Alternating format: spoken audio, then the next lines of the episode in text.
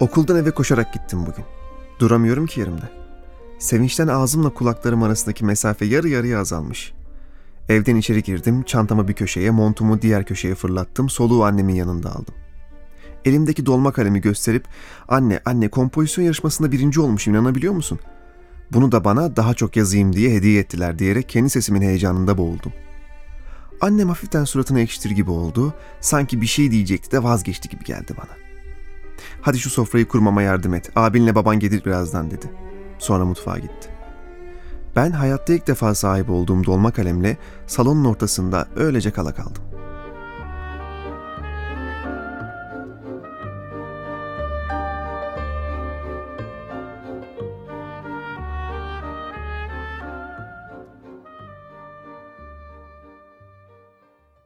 Aslında hikaye Zeytinburnu'nda başladı. Daha yer kabuğu soğumamıştı o kadar eski. Zeytinburnu'nda doğdum, büyüdüm. O dönemde hayat değişikti birazcık. İşte bu sol sağ davaları vesaireler hani evin içinde ve mahallede sürekli bir e, politik ortam e, işte o sağcıymış, bu solcuymuş, bu tercüman okuyormuş, bu milliyet okuyormuş, bu işte günaydın okuyormuş falan gibi şeyler. Uzaktan uzağa duyduğum şeylerdi bunlar hep. Sonra e, ben bir eczanede çalışmaya başladım. İşte 5. sınıfı bitirdiğim sene. Oradaki e, abilerim, e, eczacının yeğenleri olan abilerim çok yol gösterici oldular bana okumak, yazmak konusunda özellikle. Bizim evde hiç kitap yoktu mesela. Hiç yani annem de babam da abim de hiçbiri kitap okumazdı. Ama ben e, işte eczanede kim ne okuyorsa elinden alıp eve geliyordum. Annem hep şey derdi bana bırak o elindeki kitabı da iki dantel kakala yarın öbür gün evleneceksin lazım olacak. E, ben hiç dantel kakalamadım. E, ama hep kitap okudum. İşte akşamları e, annem ve babam yattıkları zaman herkesin yatması gerekirdi bizim evde.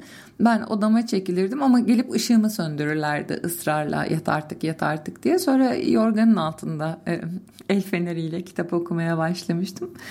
E, böyle fikir ayrılıkları vardı ailenin içinde hani işte hayata dair fikir ayrılıkları.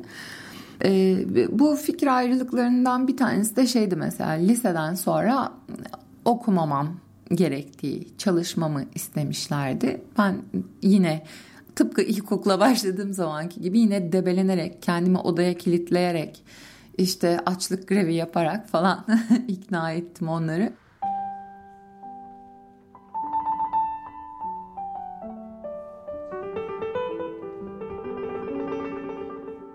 Başka başka hayatları, hiç yaşamadığım olayları, daha önce gitmediğim yerleri, hatta kafamda kurduğum kişileri anlatabilirim rahatlıkla. Karakter analizleri yapıp neler yaşamışlar, nelerden hoşlanırlar, o gün niye öyle davranmışlar yazabilirim. Yazabilirdim bir zamanlar. Daha çoluk çocuğa karışmamışken. Halbuki kendimi en iyi hissettiğim yer kitapların ve yazının beni sarıp sarmaladığı o güvenli alan değil miydi? Neyse, kendimi anlatmaya gelince işler değişiyor işte. Sevmiyorum yapay sorularına uygun gelecek cevaplar uydurmayı. Yarın mülakatta o en nefret ettiğim insan kaynakları sorularını sanki cevapları çok basitmiş gibi gıcık bir ses tonuyla soracaklar yine. Kendinizde en sevdiğiniz ve sevmediğiniz üç özelliğiniz hangileri? Neden bizim bankayı tercih ettiniz? Bankanızı tercih ettim çünkü geçen gün rüyamda beni işe aldığınızı gördüm. Böyle cevap versem bayağı deli olduğumu düşünürler herhalde. Ama işin gerçeği bu. Hani soracaklar ya yarın en önemli başarılarımı. İşte çocuklarımı o listenin en üst sıralarına yerleştiriyorum.'' Ama böyle söylersem muhtemelen biz size dönüş yapalım diye beni postalayacaklar. Sonra dönüş mönüş hak getiri. Ben de evde oturmaya devam edeceğim. İyisi mi beni karizmatik gösterecek stratejik cevaplar üzerine biraz çalışayım. 17'sinde aşık olup ayakları yerden kesilen ve 20'sinde evlenen Nurcan'la bugün sigortalı bir işe girmek zorunda kalan Nurcan nasıl da farklılaşmış yıllar içinde. Kurumsal şirketlerin kalelerinden biri bahsettiğim çok büyük bir bankanın genel müdürlüğü ve inanılmaz bir disiplin öğreniyorsunuz orada. Yani e, daha önceki ufak tefek işlerim hep böyle aile şirketleri, şirket olamamış vesaire yerlerde ama işte orada e, etik kurallarımız diye bir kitap veriyorlar elinize ve giyeceğiniz e, döpiyesin kumaşından tırnağınıza süreceğiniz ojenin rengine kadar her şey disiplin altına alınmış durumda. O zaman şu andaki kadar isyankar değildim sanırım. Neden böyle bir cendereye giriyoruz diye sormadım ya da paraya çok ihtiyacım vardı. Ee, ve hani bu bu kalıbın içine girmeye başladığımı e, yüzde yüz uymasam da hani kuralların hayatımız için önemli olduğunu falan düşünüyordum. Ee, o kurallarla yaşadım yaklaşık 6 sene boyunca ama son 3 senesinde artık böyle öf artık bu kadar da karışılmaz bir insanın hayatına e, şeyine girmiştim kafasına girmiştim. Bir şeyler batmaya başladı. İşte asansörde insan kaynakları genel müdürüyle karşılaşıyorsun. Ee, eğer ayağında burnu açık bir topuklu ayakkabı varsa insan kaynakları genel müdürü ayaklarına bakıyor. Sonra kafasını yüzüne kaldırıyor ve senin sicil numaran ne diye soruyor. İsmin ne diye değil. Çok sıkılmaya başladım. Ve geç kalmış bir günlük diye bir şey yazmaya başladım. Baya böyle çocukluğumun içinde olduğu, gençliğimin içinde olduğu, sanki o günlerde yazıyormuşum gibi geç kalmış bir günlük yazmaya başladım. Hayatımın en büyük depresyonuna girdim o zaman. Çünkü yaşamak yazmaktan daha kolaymış meğerse. Yaşarken bilmiyorsun ee, öncesinde ne oldu, sonrasında ne olacak, o sana ne getirecek, ne götürecek hiçbir şey bilmiyorsun. Ama kendini yazıyorsan eğer e, her şeyi biliyorsun. O gün verdiğin karar 10 yıl sonra neye dönüştü? O gün söylediğin söz 5 yıl önce nereden geldi? Onu sana ne söyletti? Bunların hepsini biliyorsun. Ve böyle insanın kendi her tarafı kırılmış kemiklerinin röntgenine bakmak gibi bir şey bu.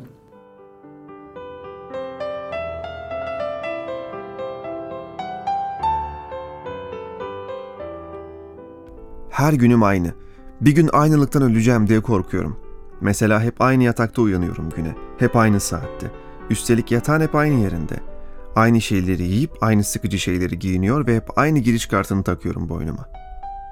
Ben henüz işe başlamadan bu giriş kartları bana çok havalı gelirdi.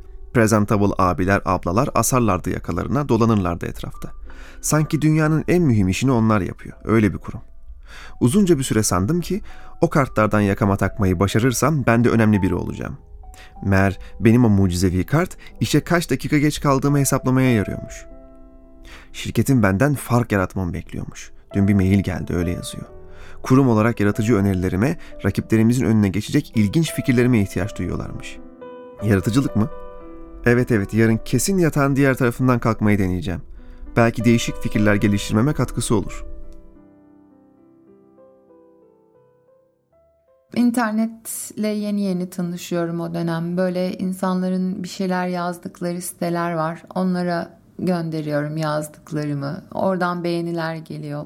İyi hissettiriyor insana kendini ya. Ee, orada bir yeniden yazma süreci başladı.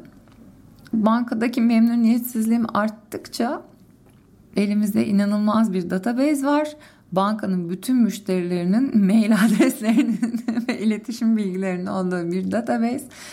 Ben orada Gani Müjde'nin adına rastladım başka bir işlem yaparken. Sonra dedim ki neden olmasın?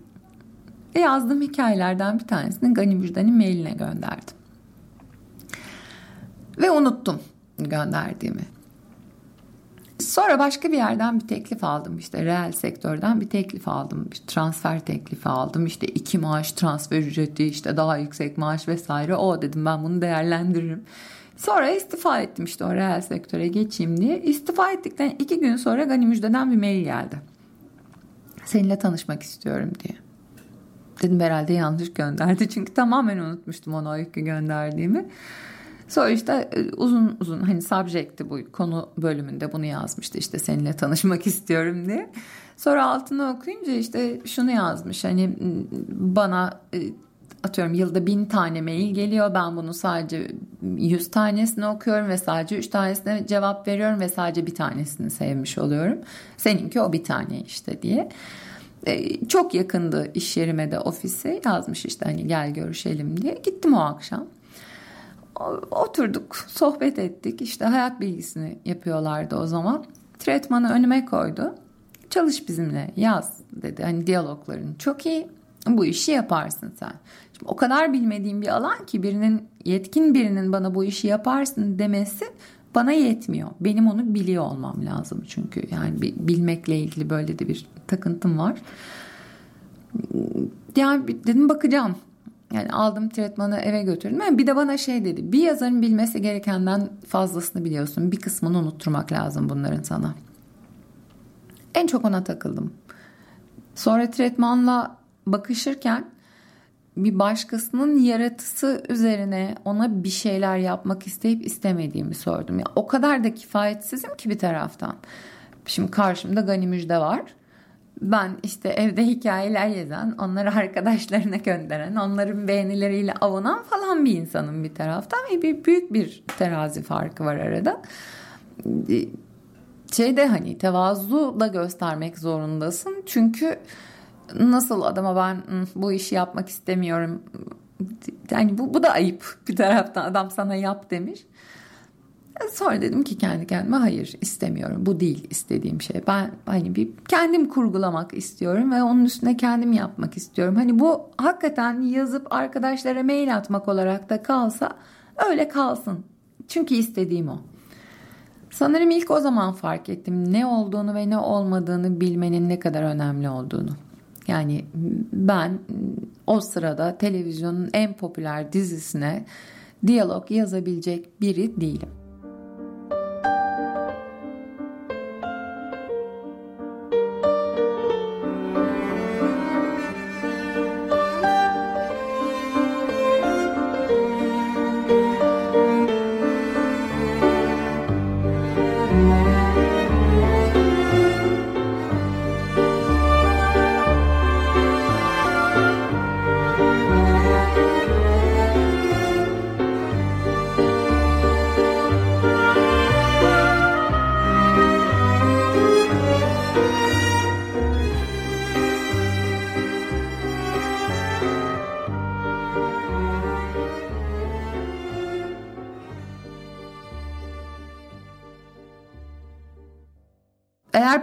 Değişmiyorsam kendi etki alanım içindeki kısmını değiştirebilirim diye düşündüm. Bir tiyatro kulübü kurmaya karar verdim. Ee, bir buçuk sene boyunca insan kaynaklarıyla mücadele ettim tiyatro kulübü kurmak için. İşte ödenek çıkmaz, işte aman sakın burada bunu teklif dahi etme, hayatta olmaz burada böyle şeyler denen bir yerde e, genel müdürle bir e, herhalde e, şeydi kuruluş yıl dönümü falandı şirketin. Onunla aynı masada otururken dedim ki ben böyle bir şey yapmak istiyorum. Ne dersiniz? E, ne duruyorsun dedi bana.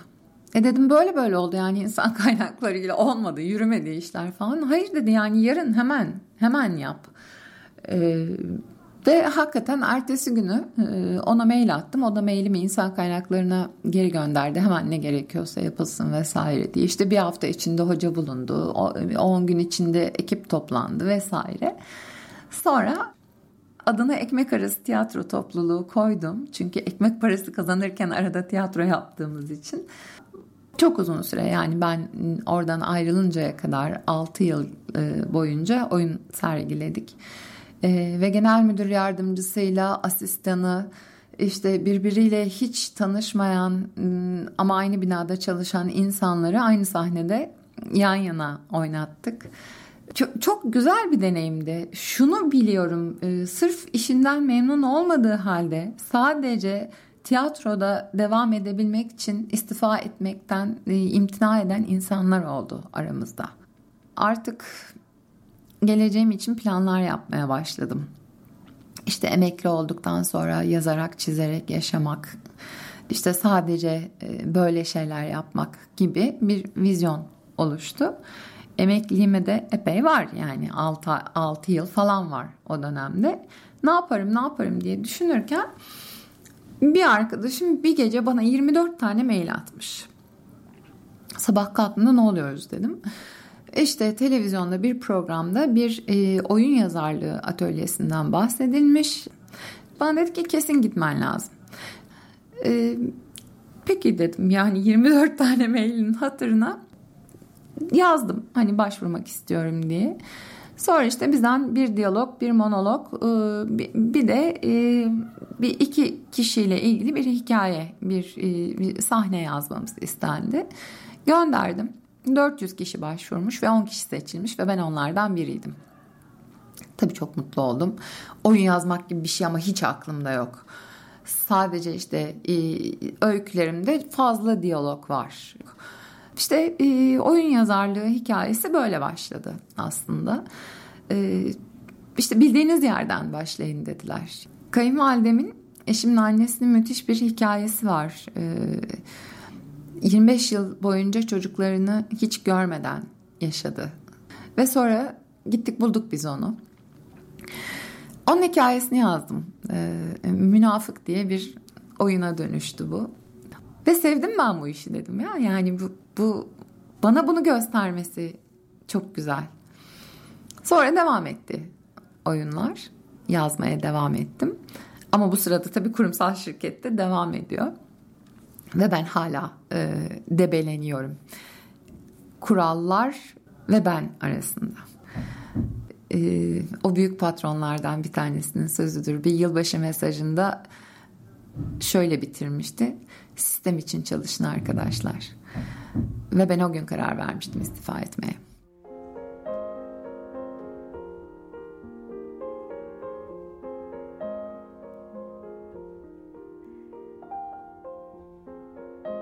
Sevinçten aklım uçuyor. Yazdığım oyun direkler arası seyirci ödülünü aldı. Yüzlerce kişi benim yazdığım oyunu gördü ve alkışladı. Oysa şehir tiyatrolarından o ünlü oyuncu atölyedeki okumalar esnasında bu oyunu benden başkası oynamayacak dediğinde tepki bile verememiştim. Çünkü duyduklarımı idrak edememiştim bir türlü. Hala da övgülere alışamadım. Ben yetenekli olduğuma inanmak istemiyorum galiba. Bu bana nereden kaldı acaba? Fakat bu ödül bir işaret olabilir mi? Yolumu çatallandıracak bir işaret. Beyaz yakalı hayatımdan istifa etme fikri artık kafamda iyice netleşti. Yapabilecek miyim peki?''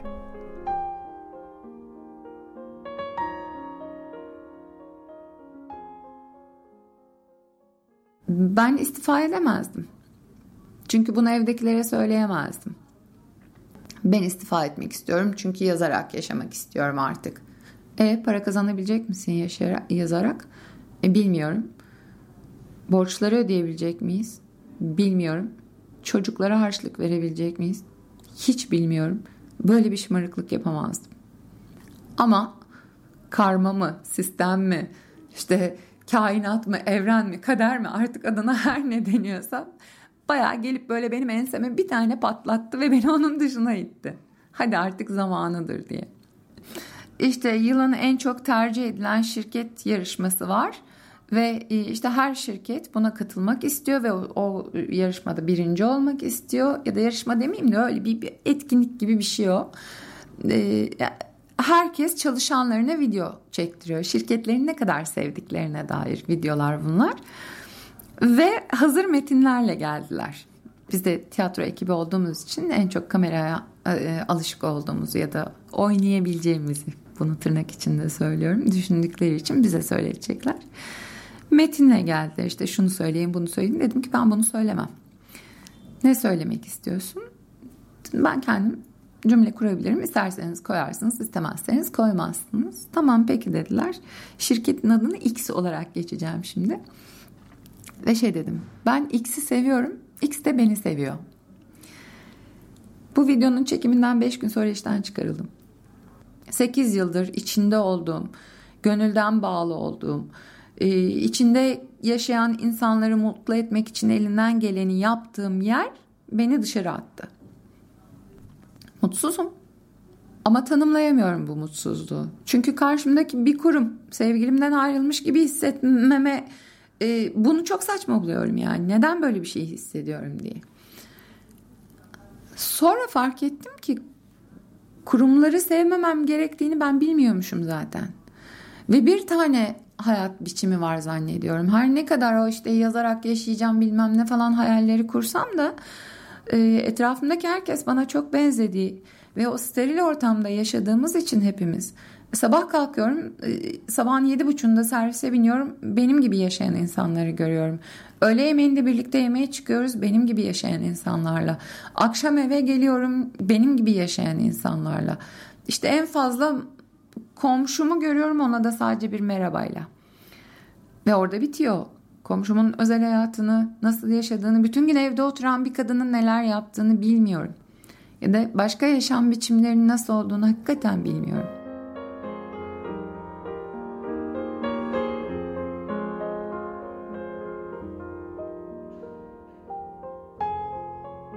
Tam evde oturmaktan ve işsizlikten kafayı yiyecekken çıkmıştı bu editörlük işi. Hayatımdaki diğer mucizeler gibi kolayca kabul etmiştim onu da. Saatlerce bir cümlenin nasıl çevrileceğine dair tartışmalar, benim gibi bunu yapmaktan zevk alan bir oda dolusu insanla üstelik. Çok keyif aldım çok. Onlarca genç yazarın ilk kitap heyecanına ortak oldum. Sahiplendim o genç yazarları. Belki de biraz fazlaca. Yine mi sınırları zorladım yoksa? Bu işte buraya kadarmış. Yine bir dönüm noktasındayım. Bundan sonra ne olacak acaba? Heyecanlıyım bu sefer. Eskisi gibi korkmuyorum artık. Puksa vida. Sonra başka bir tesadüf e, yine çıktı karşıma. İşte e, bir kitap fuarında Kaan Çaydamlı ile tanışmıştık. Şehrin kötü çocuklarına kitap yapan bir e, yayın evi 645. Ben de madem hani bu kadar şey adamlar bunlar işte underground adamlar bunlar canım çok sıkkınken uğrayıp kahve içebilirim diye düşündüm o yüzden. Ee, uğradım Kaan'a dedim işte hani kahve yap içelim. Ee, yaptı ve niye suratım bu kadar asık dedi. Dedim böyle böyle oldu canım sıkıldı biraz. Ee, yayıncılığa devam etmek istiyor musun dedi. İstiyorum çünkü seviyorum dedim. Ondan sonra Dedim yani redaksiyon son okuma falan bir şey olursa ver e, bana. Ondan sonra tamam dedi. Ben ben bir tatile gideceğim dedi. Bir hafta falan bir tatile gideceğim ben dedi. Ee, ben gelinceye kadar kimseyle görüşme bu iş mevzusunda. Hani iş arama ben gelinceye kadar dedi. İyi tamam dedim. Zaten dinlenirim ben de bir hafta. Sonra gitti geldi geldiği gün aradı beni. Dedi ki gel konuşalım. İyi konuşalım. Oturduk. Ve dedi ki işte yeni bir marka var kafamda. Ee, beraber yapalım mı? İster misin? E, ne yapacağız? Ne, ne istiyorsun? İşte 6.45'in dışındaki çizgide kitapları bu, bu yayını bu markadan yapalım. Tamam dedim. Ne yapalım peki? Ondan sonra Puksavida doğdu işte. Puksavida da nereden doğdu? İşte ben yayın evine e, isim arıyorum. Yeni markamız ne olsun diye arıyorum. Deli gibi ama böyle işte 20 isimlik 30 isimlik bir liste çıkardım. E, ve hepsi alınmış. Türkiye'de bir yani 4000'den fazla yayın evi e, tescil edilmiş, marka tescil edilmiş, alınmamış isim yok. Öyle söyleyeyim. Ne koyacağız ne koyacağız ismini diye düşünürken e, Kaan'ın kişisel toplantı notları KTN diye bir kitabı var. Onlardan bir tanesinin altında Puksavida yazmış.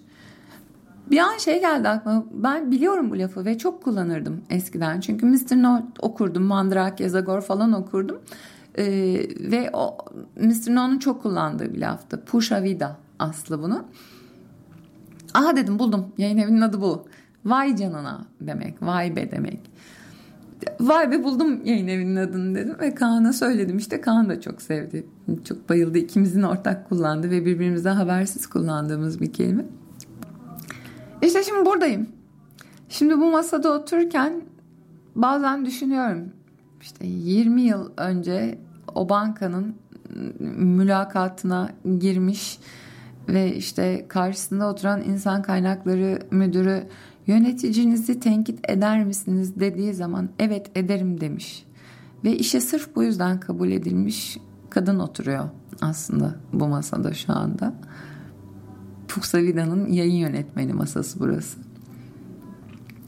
Evet yöneticimi tenkit ederim. Evet, arkadaşlarımı da tenkit ederim. Evet, kendimi hepsinden daha fazla tenkit ederim. Olduğum yerde canım sıkılıyorsa, mutsuzsam, bana batan bir şeyler varsa en çok kendimi tenkit ederim. Neden hala buradasın o zaman diye.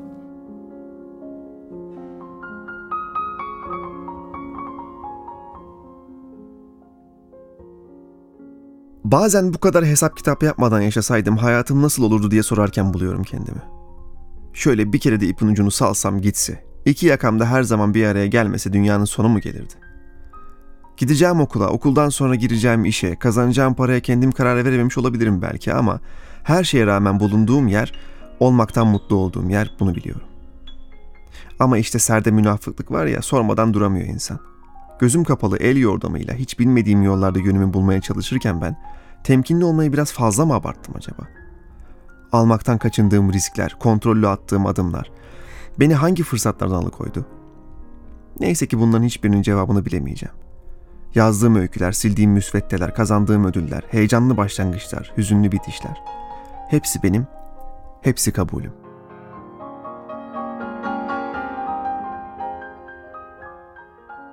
Bu hafta 11.18'de Puk Savida Yayın Evi'nin genel yayın yönetmeni Nurcan Kara'nın hikayesini dinledik. Programın sonunda Nurcan'ın direkler arası seyirci ödüllerinde en iyi yazar seçildiği Mert Turak'ın canlandırdığı Sen Olmak Nedir adlı oyundan ufak bir kesit var. Bu programda emeği geçenler, hikayeyi bulup getiren ve metinleri yazan Belgin Yetiş, hikaye yayını hazırlayan Emre Sarı, sesleri ve müzikleri düzenleyen Stüdyo Kolektif'ten Özgür Akgül ve 1118 yayın direktörümüz Berna Kahraman. Ben Melih Karaoğlu, yeni hikayelerle buluşmak üzere, sevgiler.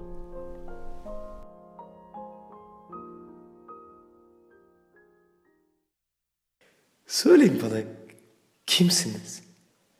Ya kendinizi nasıl tarif edersiniz? İşte adınız, yaşınız, nerelisiniz? En sevdiğiniz yemek ne? Ne tür müzik dinlersiniz? Anneniz, babanız, ya mesleğiniz. İşte ayakkabınızın ilk hangi tekini giyersiniz? İşte dua eder misiniz? İşte en son kime ne hediye verdiniz?